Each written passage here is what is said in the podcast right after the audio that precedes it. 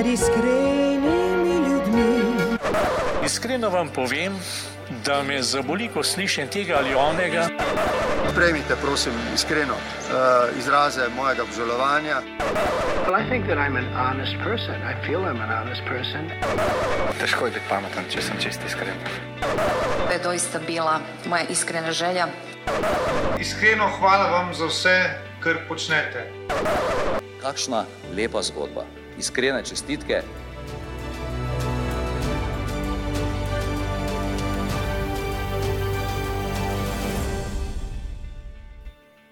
Spoštovane poslušalke in spoštovani poslušalci, dobrodošli v novi oddaji najbolj iskrenega podcasta. Podcasta, kjer skušamo spremeniti kakšno srce. E, moje ime je Dušan Poslek in vem, da zdaj že koliko leto, leto pa pol poslušate to našo geslo, da skušamo skozi naše oddaje spremeniti eh, kakšno srce in če kdaj, potem je današnja tema zagotovo eh, namenjena točno temu.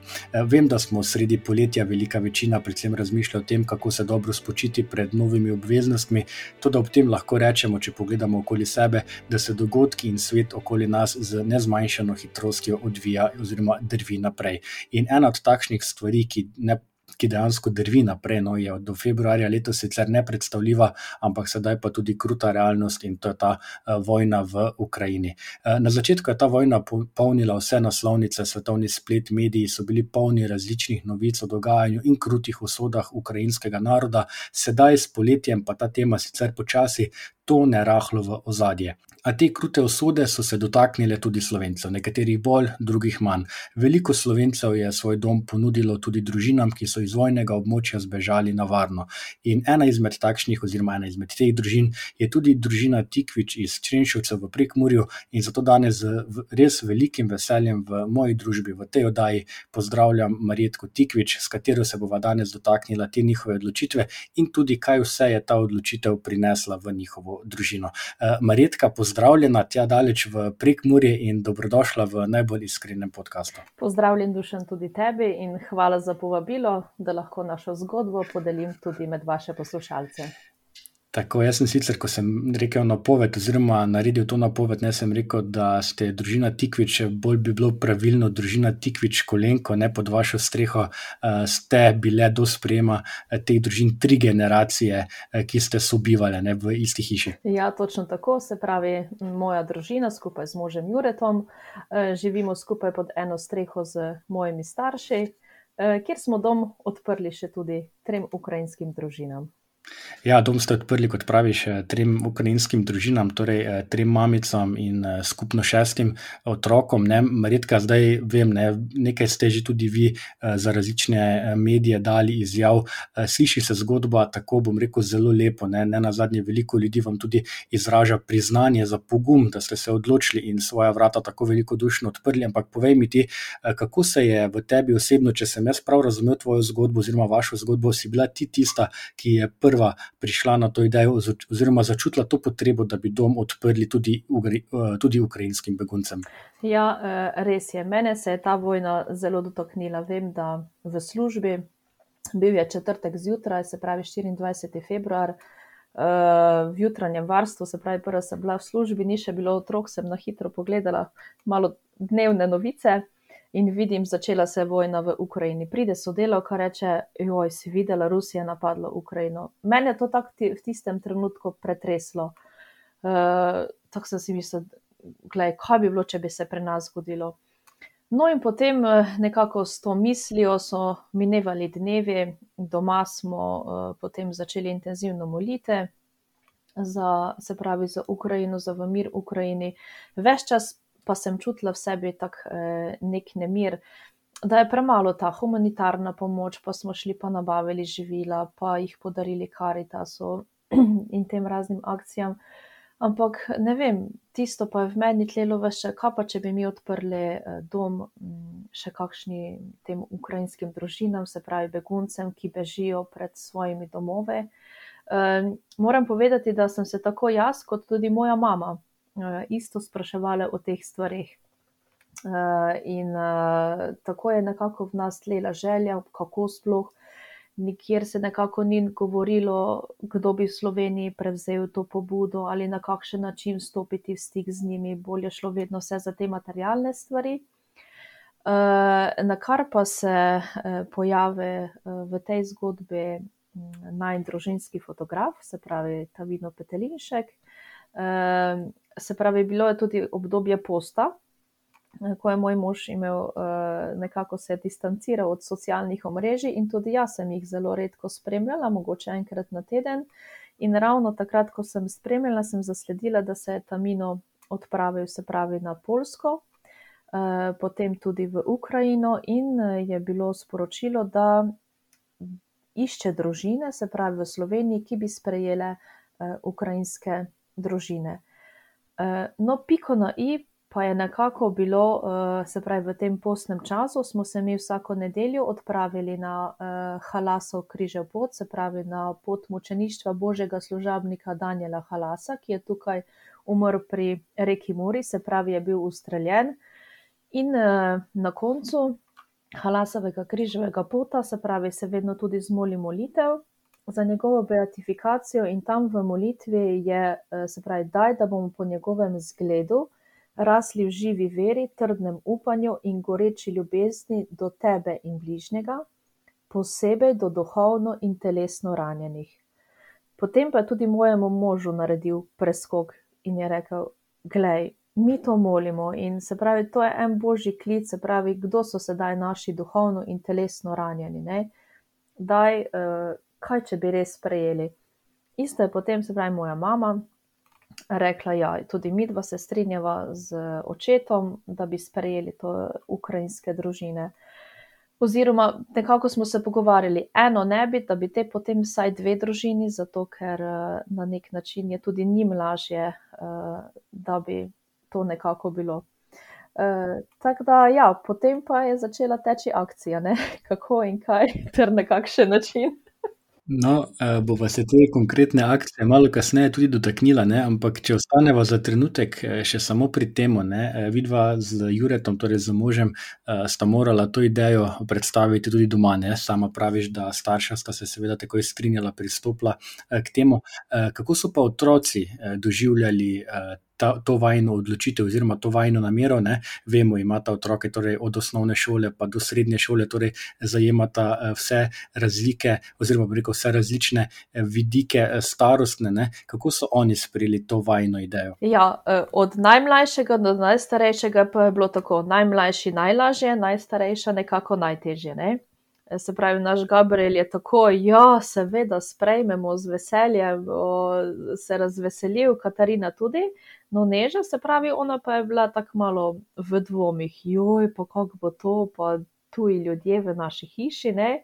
Ampak nekako smo se pogovarjali, zvečer to izročali tudi v božje roke in je šlo zelo, mislim, brez problemov. Naj povem, da tisti večer, ko sva z Juretom povedala to otrokom, sta naslednji dan Katarina in Gabriel, celotno Gabrielovo sobo izpraznila, vsa oblačila, vse zvezke, vse v njeno sobo preselila in sta rekla, da njiva naredita prostor. Pa še mi nismo vedeli sploh, kdaj pridejo ali na kakšen način, ampak njiva sta to eno zunanje dejanje sama od sebe, naredila. dobro, zdaj, otroci, ne, so seveda sprejeli na svoj način, ne, sama, praviš, da izjemno pozitivno, ne, tudi, najstarejša, torej Neža, ne, je kasneje zelo toplo sprejela, vse tri družine. kaj pa okolica, ne, vemo, ne, pogosto smo obremenjeni s tem: kaj bodo pa drugi rekli, kaj bo okolica rekla, ne, če bomo mi, vi vseeno, ne, živite na, če gledam z mojega vidika, na podobno, vaškem, podeželskem, območju kot recimo jaz sam, ne. Kaj, kaj pa to, ne, se kaj obremenjevala s tem, kaj bo okolica oziroma kako bodo drugi sprejeli, to vašo odločitev? Ne, z okolico se pa nismo čisto nič obremenjevali, mislim, tako smo bili vpeti v to dogajanje, mislim, pa tudi to, da si ti predstavljaš, glej, tam so nedolžni ljudje, to ni človeško, to ni dostojanstveno, da dandanes se mora mama, otroci, žena ločiti od svojega moža, otroci od svojega očeta. To ni dostojanstvo in se na komentarje okolice res nismo ozirali. Komentarji so bili različni, sploh nismo imeli časa okolici toliko sporočati, ker se je to zgodilo skoraj čez noč, ta preskok, jaz vem, sem službi povedala, da bomo pa sprejeli ukrajinske družinjanje samo, oh, kar je vsem zastav dih. Uh, kar tišina je nastala v zbornici, nišče nič ni komentiral. Uh, in tako, zanimivo, no, uh, kako so ljudje pač te stvari sprejemali, ampak ne, nismo se ukvarjali s komentarji okolice.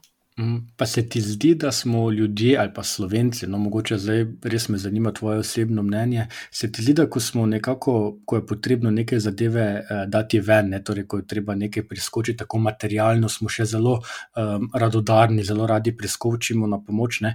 V tem primeru, ko je pa res treba v svojo intimo uh, spustiti tuje ljudi, ne, dokler niso prišli v vašo družino, so to seveda tujci, ne, uh, da takrat pa postanemo uh, bistve, bistveno bolj previdni. Se ti zdi, se ti zdi da je to ena taka slovenska lastnost, da zelo težko uh, sprejmemo ljudi v tisto intimo, v tisto bližino in v tisto uh, osrednje uh, prostor svojega doma. Ja, je to težko. Uh, kaj, kaj ti zdaj, ko imamo jih med sabo? Ljudje ne morejo razumeti, pa kako se vi lahko delite vse stvari, ne pa kopalnico, pa ne vem, kaj vse. Um, ker veliko je res pri teh besedah, ne? pa marsikdo je tako rekel, ja, pa mi bi jih tudi sprejeli. Ja, v redu, jih pa sprejmite, ne. Ja, samo ne vem, pa to, pa ono, pa tretjo. Tako da se mi zdi, da smo res slovenci, te besede so močne, pa eh, ta materialna pomoč, ampak do besedno tukaj pa res odpreš dom, vsak kotiček svojega doma, vsako intimo, kot si povedal, to pa je mogoče malo težje. Uh mhm. -huh. Zdaj, um, ko smo se mi dva prvič o tem pogovarjali, si mi dejala, da do zadnjega trenutka praktično niste vedeli, kdo sploh pride. Ne? Ko ste eh, Tamino Petelinško sporočili svojo odločitev, eh, če se ne motim, se je nekajkrat spremenil ta scenarij, kdo pride, koliko jih pride. Ne? Na koncu so pri vas, da, da, da rečem tako, pristale eh, tri mamice z šestimi, skupaj šestimi otroki. Kako je sploh potekalo to dogovarjanje, kako, koliko informacij ste sploh imeli, kdo pride, na kaj morate biti pozorni, kaj morate morate pripraviti. Ja, mi smo se odločili tako, da ne bomo nič spraševali, mislim, kdo pride, kakšen način, ker eh, težko je bilo te stvari eh, nekako tudi od Tamino zahtevati. Rekli smo, da sprejmemo dve družini, tudi on nam je rekel, da, da mu to največ pomeni, da ga ne otrujamo z temi stvarmi. Eh, na nek način. No, in potem najprej je bil scenarij, res, da sprem, bi sprejeli dve družini, in se pravi, mi smo se v petek odločili, in on je rekel, da v nedeljo pridejo ampak zgodilo se je to, da ni napolnil prvega avtobusa, se pravi, ljudje v Ukrajini še niso imeli zaupanja do slovencem in je ta prvi načrt padel nekako način v vodo. Potem, čez deset dni, uh, pa je sporočil, da se sedaj avtobus napolni in se pravi, da gre po ljudi v Ukrajino. In se pravi, te poti so bile hitre, ne? dogovori sem tja. Uh, tako da v petek, ko so oni prišli, ne v sredo ali četrtek, nekako so prišli v Slovenijo, uh, še mi nismo vedeli čisto nič. Vedeli smo samo, da v nedeljo pridejo k nam. V petek je bila varijanta, da prijeta dve družini, pa uh, se pravi dve mamici, pa nekaj otrok, nismo tudi vedeli število. Uh, in en starejši par, potem je samo klical, če bi še mi sprejeli en starejši par smo rekli, ok, v redu, dve družini, pa starejši par, pa bi še nekako šlo. Ne? In potem smo mi, se pravi, intenzivno začeli te sobe pripravljati, se pravi, eh, eno, eno sobo v našem, eh, se pravi, v nadstropju pri nas, eno sobo spodaj pri mami in očetu, in en, dve sobi v bistvu potem v kleti smo nekako tako planirali in računali. Hitro smo potem se pravi morali postelje poiskati, nismo še imeli postelj, na kak način. Bilo nam je pa malo težko, ker nismo vedeli, koliko jih pride, kakšne, koliko stari otroci, ali so fantki ali deklice, ne, tako da to se te vse pojavlja. No in potem soboto ob 12. pa dokončno kličejo, če bi pa lahko mi tri družine sprejeli. Uh, tri družine. Ja, nič, sprejmemo, ne? kaj bomo zdaj, če smo se odločili za to, pa res sprejmemo. No, in potem uh, smo zvedeli, da so res tri mamice, pa da je nekaj otrok, da je ena srednja šolka, da je ena stara tri leta, ostalo pa nekaj med zmes. Nismo vedeli po spolu, pa nič kako in kaj. Uh, Tako da, ja, te smo nekaj smo postali še po Bauhi iskali, pa nismo dobili, ker mi smo rabili takoj naslednji dan postele. Tako da potem od moje sestre je rekla, gledaj, jaz ti dam eh, dve posteli, ker eh, mislim otrokom sobe menjati, pa bodo sedaj na jogi spali. Tako da v nedeljo, potem, ko sta Jure in babica šla po njih v žalec, eh, še je Jakob od sestre sin spal, Jure ga je zbudil, da idi ven z postelje, jaz postelje rabim in tako da smo dobesedno Jakoba z postele ven vrli, da smo mi lahko postelji pripravili pri nas. Eh, tak da, ja. In tako je potem se začela ta zgodba, da so te tri družine prišle k nam. Zdaj je od tega že nekaj mesecev, ne, eh, ne vem, če vodiš eh, točno statistiko, koliko dni so že pri vas? Glej, 116 dni. To je wow, bistvo, ne, ja. evo, Ja. eh, 116 dni je res eh, zavidljivo obdobje.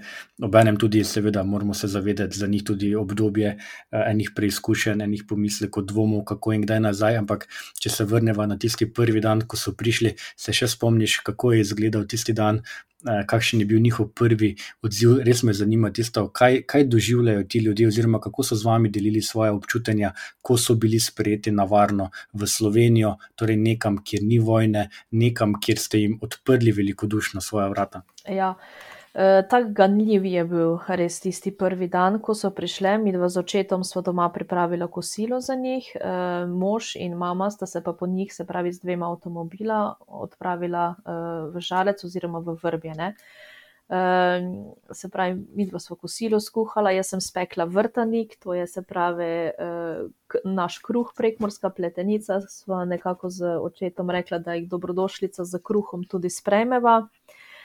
Ja, ko so prišle, uh, seveda so nas tako njih kot nas, uh, polile solze, res te solze ganljivosti. Eh, Pri njih si videl še vedno zelo prisoten strah, niso vedeli, komu so prišle, tudi mi nismo vedeli, kdo je k nam prišel. Eh, Podali smo si roke, se predstavili, se objeli eh, in šli k družinski mizi.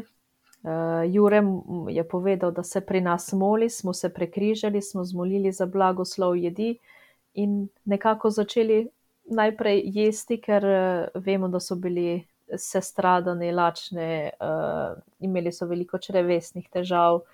Uh, tako da smo nekako pri mizi potem začeli naš pogovor. Sporazumevanje na začetku je bilo zelo, zelo težko, niso vedeli ne angliške, samo ukrajinski oziroma ruski govorijo. Ne? Uh, tako da vem, je bilo zanimivo, sem skuhala korenčkovo omako, meso v korenčkovi maki, ja, in bi se vprašali, kaj je to, ne? in jaz je korenček, ne vejo, kaj je te kar, karoten, ne nemško, ne angliško. Te sem pa nič, na mobitel pa vtipkaš korenček, pa pokažeš sliko in te ona pravi mrkva. Ja, mrkva, po prekmorske tudi mrkevca, ne? Tako da ja, no in potem, predvsem kaj je na začetku bilo veliko pogovarjanja, da so se one čutile sprejete, da se lahko zaupajo, ker to ni bilo čez noč. To je nekako po treh tednih, so se počasi, počasi začele odpirati. Tudi vem, da na veliko noč, ni ponedeljek, je prvič bilo, ko so pokazale slike, kako so v, se pravi, v zakloniščih en mesec živele dobesedno pokrite z vrečami od smeti, otroci, vse črno, vlaga, pač nepredstavljivo za en civiliziran uh, svet. Tako da, kar smo se, gledaj, to so bili pogovori do enih, dveh zjutraj, so se mi dva recimo z njimi pogovarjala, mi dva so šla drugi dan v službo, one so bile doma, ampak vseeno so vedela, da da to, da jih ti prisluhneš, pa tudi da jim ti poveš, da jim res smo rekli, gledajte, kar je naše, je vaše. Vsaka stvar, ki je v naši hiši, je tudi vaša. In to vedno, vedno znova ponavljati, da so one začutile uh, to sprejetost. Redka, ko si dejala, ne, se mi zdi zelo tako uh, pomenljivo, uh, se mi zdijo tvoje besede zelo pomenljive, ko si rekla, da ob prihodu ste jih najprej eh, posadili oziroma posedli za družinsko mizo. Ne vemo, simbolika družinske mize, to je tisto, eh, kar, kjer družina raste, ne, kjer se družina ne na zadnje tudi eh, povezuje. Vi ste njim, njih takoj povabili, torej, eh, kar se da blizu eh, sebe. Ne. Eh, potem ste jim seveda nudili vse, kar imate vi, torej od hiše do okolice, eh, vsega, tudi v materialnem smislu. Povej, kako pa v praktičnem eh, smislu izgleda eh, to sobivanje, kje so največje največje težave, oziroma me niti ne zanima, kje imate največje težave, predvsem kako se lotevate izzivov, ki jih prenaša to, da tri generacije eh, živijo pod isto streho in k tem trem generacijam ste povabili še dve, oziroma še tri družine s skupno šestimi otroki. Ja, če bi meni kdo rekel, da bomo mi pod našo hišo živeli eh, štiri družine, bi jaz rekla, da to ni možno. Pa še zdaj, ko tako gledam, jaz se sprašujem, kako mi sploh to zmoremo. Resno, ker dobro, imamo dve kopalnici, pa še eno tako zunaj, to 16 ljudi se zrihta, gledaj, nikoli nihče nič ne čaka. Uh, sploh, jaz sploh ne vem, kje, bi, kje nastajajo kakšne težave, ker jih zaenkrat mi sploh ne, ne zaznavamo. Uh, otroci so med sabo uh, res zelo povezani. No, kar je v redu, je to, Se pravi, mi imamo zunaj takšno vrtno uh, letno kuhinjo, naše ognišče, kot to imenujemo, in tam smo mi dali njim prostor, da lahko res preživijo dan tam spodaj, imajo veliko kuhinjo, vel, veliko mis, tako da imajo res en del zasebnosti tudi one za sebe. Spijo pa se pravi v hiši, to je zraven. Uh, stranišče tukaj, tudi eh, se pravi kopalnice, potem tudi zunaj ena kopalnica, tisto res potem one tudi več ali manj, eh, ko so tam zunaj uporabljajo. Zvečer pa smo se nekako mi dogovorili tukaj v našem nadstropju, da nekako od 9 eh, do pol desetih imajo oni čas za kopalnico, od pol desetih do desetih pa mi. Predvsem je to bilo v času šole, ne, da so otroci se res pravi čas nekako uredili, zrihtali, Eh, da niso šli tudi eh, prepozno spat. In gre zjutraj pa tudi tako različno smo odhajali v službe in šole, da se je to nekako razporedilo. Vse sama ne vem od sebe, če bi si to planiral, kako točno ne bi šlo, ampak zdaj pa se je nekako res tako lepo steklo, da, eh, da to gre. Očitno gre res ne za naš, ampak za božji ja, načrt, ki ga ja. pač vi udejanjate v resničnem življenju. Ne? Eh, Marjetka, praviš, da s sobivanjem pri vas eh, nimate eh, večjih težav, ne? ampak vseeno, že na začetku smo omenili, da vajni otroci so stari od končanega tretjega razreda, torej Gabriel, ki gre sedaj v četrtega, in pa do srednje šolke. Um, Nežene.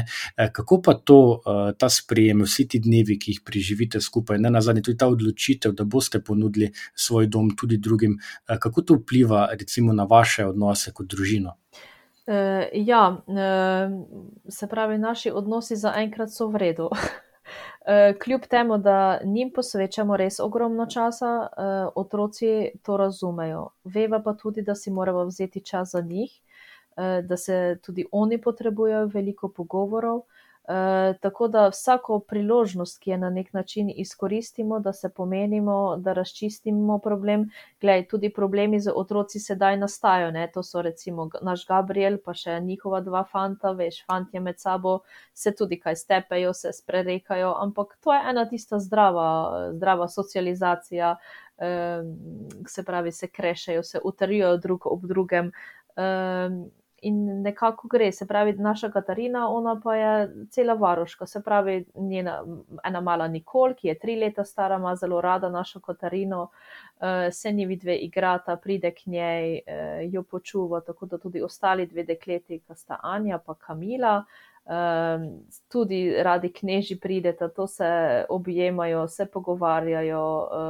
Predvsem takšna zanimiva komunikacija še je potekala prej, dokler niso razumeli drug drugega. Uh, kajti zdaj otroci razumejo izredno dobro tako naše uh, ukrajinsko, kot oni na slovensko in govorijo že vse povprek. Naši ukrajinsko, oni slovensko, prekmorsko, tako da res se otroci jezika naučijo uh, zelo, zelo hitro. Uh, tako da, ja, mi dva pa tudi uh, vidiva, da rabiva še veliko več pogovora, da sva enotna, da se tudi mi dva z najnima, se pravi, z mojimi starši pogovarjava, uh, Eh, vsake toliko časa tudi mi rabimo eno potrditev, da smo se prav odločili, da vztrajamo na tej poti, da jih podpiramo. in res, da vse se izročamo v božje roke in da Bog vodi vsak dan znova naše korake. No, praviš, ne, da vsake toliko tudi vi potrebujete kakšno potrditev, da delate prav. Ne. Se vama z Juretom, torej z možem, kdaj zgodi, da podvomite v to vajno odločitev, oziroma da se rečete, uh, mogoče pa sva kaj naredila na robe, oziroma bi lahko se kdaj v tem procesu odločanja odločila drugače? Ne, ne. Ne, mislim, v to ne dvomiva, res ne. Uh, na to se sploh nisem spraševala, če so res prav naredili ali ne. Začutili smo en tisti božji glic in preprosto samo prepuščamo. Um, sedaj je ta, kot smo že prej nekako štela dneve, ne? sedaj je že res eh, veliko dni mimo, odkar uh, so te tri družine uh, pri vas. Uh, zdaj, če se ne motim, ne, ste jih tudi vključili v lokalne šole, vsaj, ta, vsaj te, ki so obvezno, uh, oziroma ki hodijo še v osnovno šolo. Kako so se pa oni vključili v to naše izobraževanje? Uh, zelo dobro. Jaz sem vedela, takoj ko so prišli, uh, ok, en teden sem jih pustila pri miru, da so se malo aklimatizirali, potem pa sem videla, da otroci rabijo socializacijo, da rabijo družbo. Ker sama delam v šolstvu, mi je to toliko lažje bilo mogoče stopiti v kontakt tudi z šolo. Uh, vprašala sem seveda najprej njih, če se želijo, da se vključijo, in so rekli, da ja, se pravi, šola, ja, vrtec, pa smo še seveda čakali zaradi vseh uh, naših slovenskih papirjev, če bi lahko temu tako povedala. Tako da šolo so se zelo dobro vključili, rada sta hodila v šolo, eh, ni bilo nobenih problemov, res eh, v šoli je tudi učiteljica ogromno stvari ima prilagajala. Je rekla, to je kot eh, čist novi fakultativni pouk, se pravi, sem imela v razredu dva, na nek način dva oddelka, ampak je bilo za njo res to en balzam, zaradi tega, ker sta pozabila na to, kar se dogaja v Ukrajini. Hkrati pa uh, oni so, se pravi, ko so prišli, vsak ima tudi na nek način svoj telefon, da so se, se pravi, s temi igricami, z risankami, so mame rekle, so jih zamotile, ker je, so rekle, kaj bi naj v zakladišču delali, to smo jim kupili, do sedaj niso imeli, da so se potem s tem, ne, in so videla, da če bi oni več časa, se pravi, na mobitelih, pa to tudi za njih ni dobro, ne. Tako da so se v redu vključili. Se pravi, ta dva, uh, Timur in Kamila, sta šla skupaj z Gabrielom v, četrt, v tretji razred, ker sta tudi tako stara, potem Nataša, srednja šolka. Uh, ona je stara 17 let, uh, pa je šla v gimnazijo z našo nežo, se pravi v prvi letnik, ker je tako tudi pedagoginja rekla, da najlažje, da se vključi v tisti razred, kjer uh, nekoga pozna. Zato je to bilo, se pravi, v prvem letniku in se je tudi zelo lepo vključila, eh, hodila na ure, bila vesela. Eh, hkrati pa je ona morala delati šolo nadaljavo in se pravi, ona je hodila v našo šolo, malo pa je potem zapustila to šolo nadaljavi. Ne? In potem je, vem, da je enkrat tam začetku, konec maja, klical ravnatelj, se njihov direktor, kot so oni povedali, mamo in je rekel, zakaj. Nataša. Torej, govorimo o, o, ukrajinskem, o, Ukraj, o ukrajinski šoli. O ukrajinski šoli, ja, zakaj ona ne, ne dela redno nalog in vsega, da mora delati, drugače ne bo končala srednje šole, ker je pa to v bistvu njihov zadnji letnik. Oni imajo popolnoma drugačen šolski sistem. Se pravi, oni za 17 leti končajo srednjo šolo, osnovno srednjo šolo. E, tako da e, je potem nehala hoditi in je morala, se pravi, delati šolo nadaljavo eh, imajo še kar tak, se mi zdi, tisti strogi ruski sistem, brez eh, nekega popuščanja. Eh, ampak je pa zanimivo, je pa ostala povezana z določenimi sošolci, s prijatelji. So tudi prejšnji teden jo povabili, da je šla z njimi na bowling. Uh, tako da je tudi njej to, da se je takrat hitro vključila uh, v šolo, izredno veliko pomenilo. No, pozneje, meseca maja, smo še pa dva potem vključili tudi v vrtec. Maritka, prej si omenila, ne, da sama delaš uh, tudi v šolstvu, ne, si, si profesorica. Povej mi, te je mogoče presenetilo samo dejstvo, kako hitro so se ti otroci vključili v to okolje, torej med svoje sovrstnike v Sloveniji. Uh, pa ja, je me malo tako presenetilo. Uh, nisem si mislila, da, da to res gre pri otrocih tako hitro. Ne, saj nekaj govorijo si, pa hitro pa se učenci jezika učijo. Ampak tako hitro se mi zdi, mlajši so lažje. Uh, in sem presenečena, ja, da je tako uh mhm. -huh. dobro to šlo. Eh, prej si tudi dejala, ne, da so jim eh, mame, eh, zato da so jih malo zamotile v tem krutem okolju za kolonišč, kamor so zbežali pred neposredno nevarnostjo v Ukrajini, da so jim kupile mobilne telefone. Koliko informacij pa sedaj dejansko pride do njih, predvsem doma, ne, kakšne so razmere v Ukrajini, oziroma kako sploh poteka komunikacija z bližnjimi. Vemo, ne, te mamice, ki so pri vas, imajo može še vedno v Ukrajini. Sicer, če prav razumem, niso, niso ravno na, na fronti, torej niso ravno v neposredno v vojni, ampak so še pa vedno v Ukrajini. Ne? Eh, ja, komunikacija med njimi je zelo, zelo dobra. Se pravi, to se dnevno se slišijo eh, preko telefona, preko Vibera, eh, se pravi, se tudi vidijo. Tako da tudi na začetku so se kazali, kje živijo, ne, tako da so bili veseli, tudi možje so bili in tudi starši zelo hvaležni, to so nam tudi njihovi eh, povedali. Eh, tako da uh, izredno, izredno so dobro obveščene, ko se kaj dogaja. Recimo, mene je presenetilo, tudi same imajo vem, aplikacijo, so recimo imeli, ko so bili uh, alarmi v Kijevu. Ne? Se pravi, dnevno so one potem spremljali, spet je bil alarm, spet je bil raketni napad.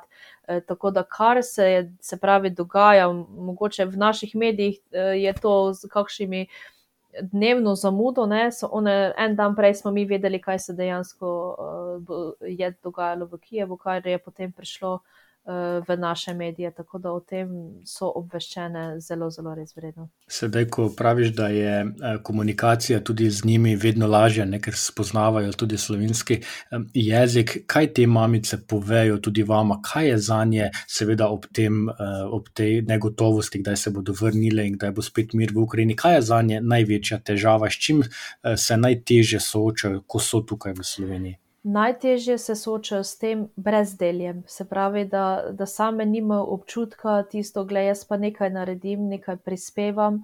Uh, predvsem te občutek, uh, to težavo imajo ne? in se, tudi ta negatovost. Glej, vse bi se takoj vrnile nazaj, ne? ampak nihče jim ne garantira, da grejo nazaj v varno okolje. Uh, kaj se bo zgodilo?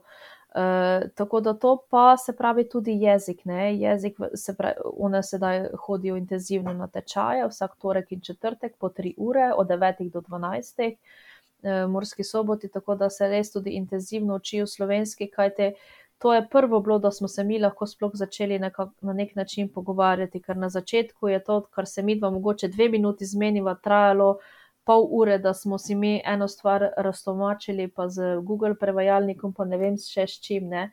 E, tako da to so nekako te težave, ki se pri njih najbolj uh, pojavljajo.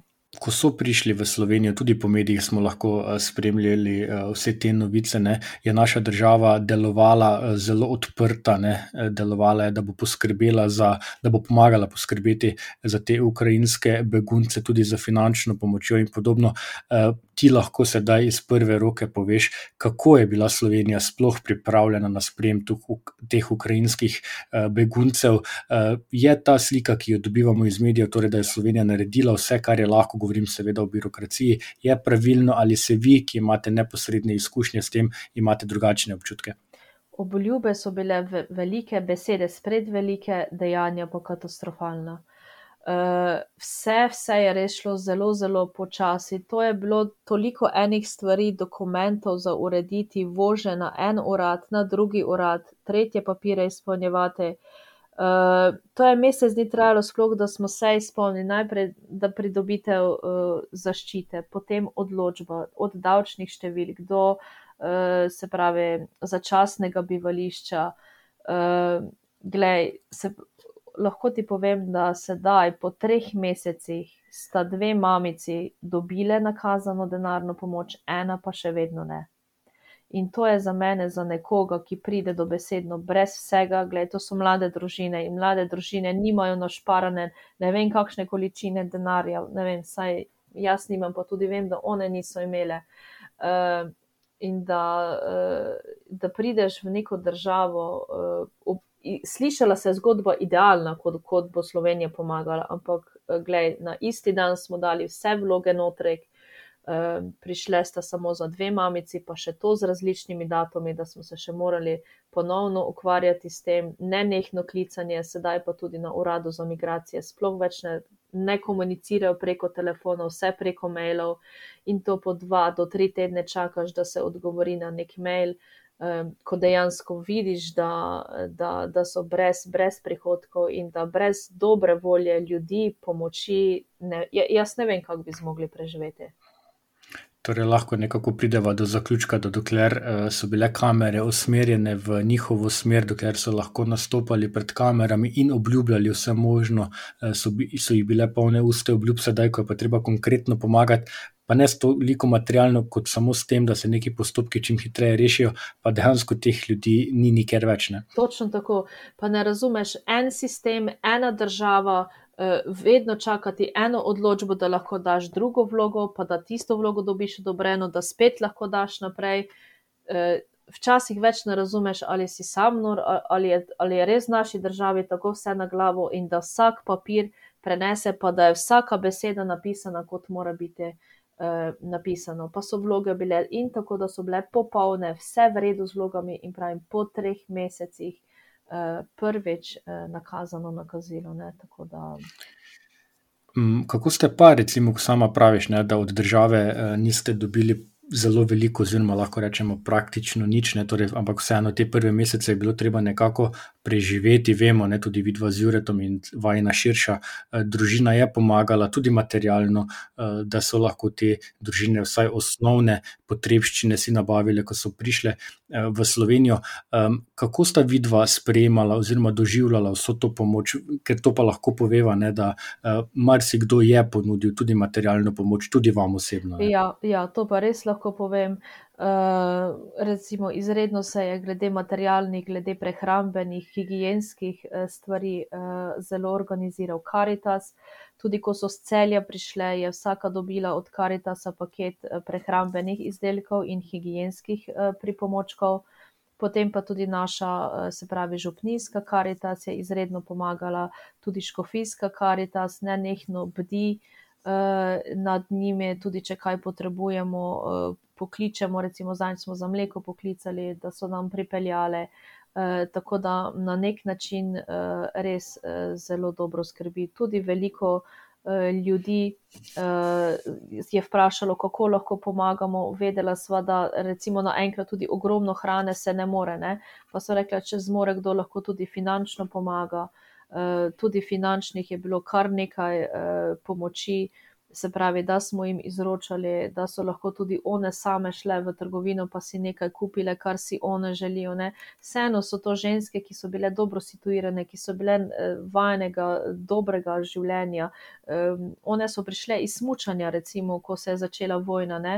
Uh, zdaj si predstavljamo, mi, kot bi se nam naenkrat svet uh, odrezal. Ne? In že eno tisto žensko dostojanstvo, da pa lahko grem pa si pa nekaj kupim, uh, tudi veliko pomeni. Tako da nekako tako smo, gledaj, eh, rekli smo, ni nas sram prosite in bomo prosili, kajti vedeli smo, da, da to ni za nas, ampak je za njih. Za konec sem tako le prihranil, mogoče najbolj nehvaližno vprašanje. Tudi razumem, če ne boš imela konkretnega odgovora na no, ampak eh, vseeno, um, glede na to, da smo že omenili, da ti tri mamice redno komunicirajo tudi s svojimi družinami v Ukrajini.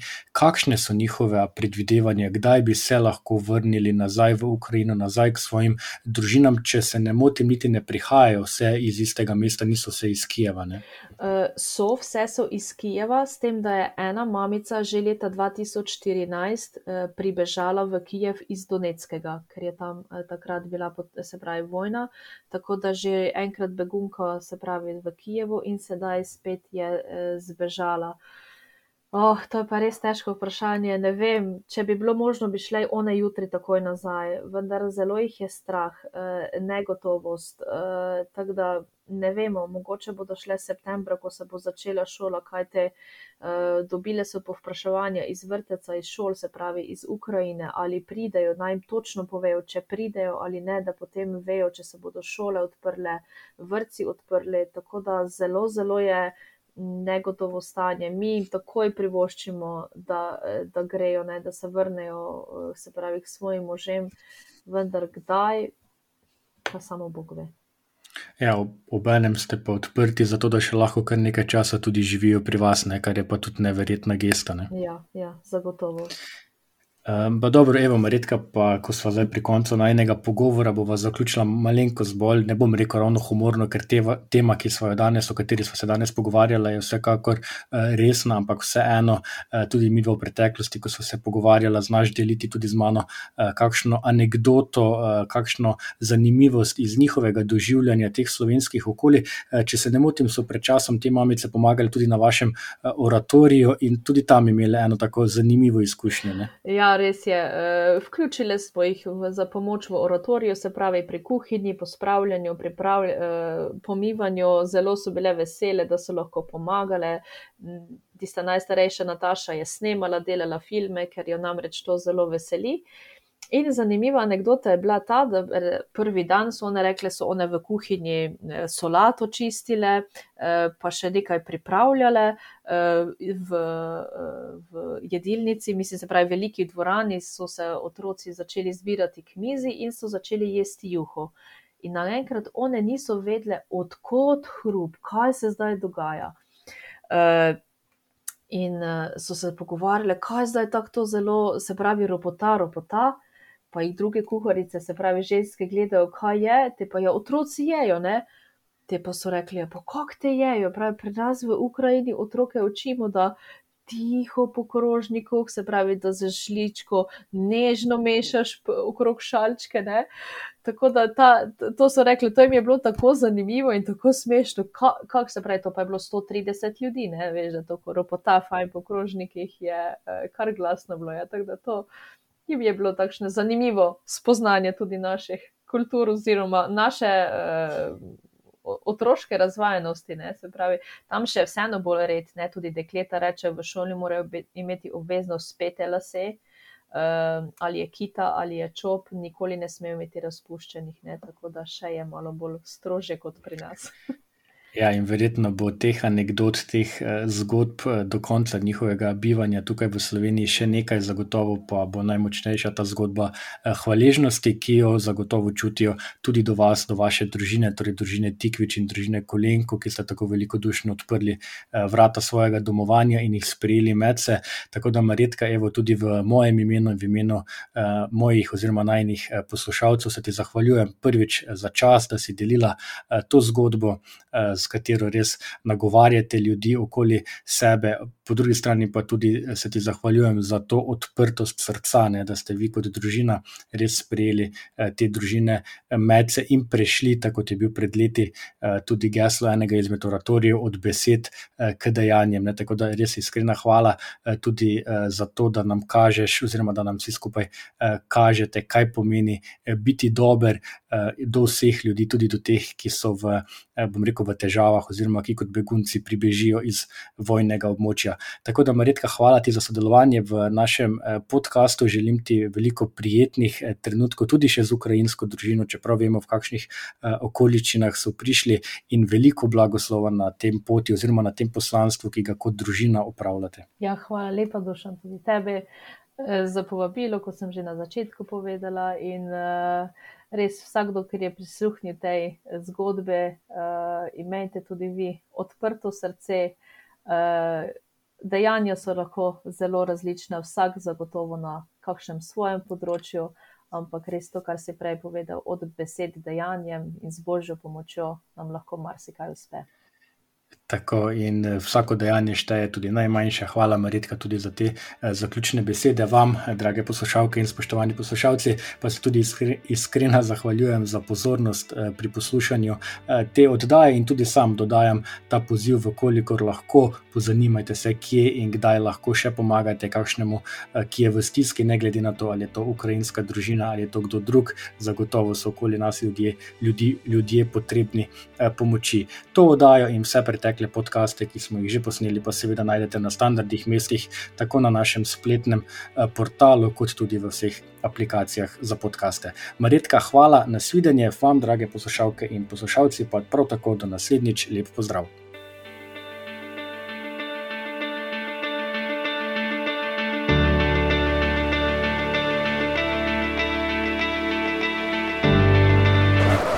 Med Iskreno vam povem, da me zaboli, ko slišim tega ali onega. Prejmite, prosim, iskreno uh, izraze mojega obžalovanja. Well, I think that I'm an honest person. I feel I'm an honest person.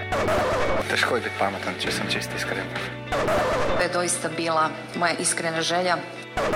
Iskreno hvala vam za vse, kar počnete. Kakšna lepa zgodba. Iskrene čestitke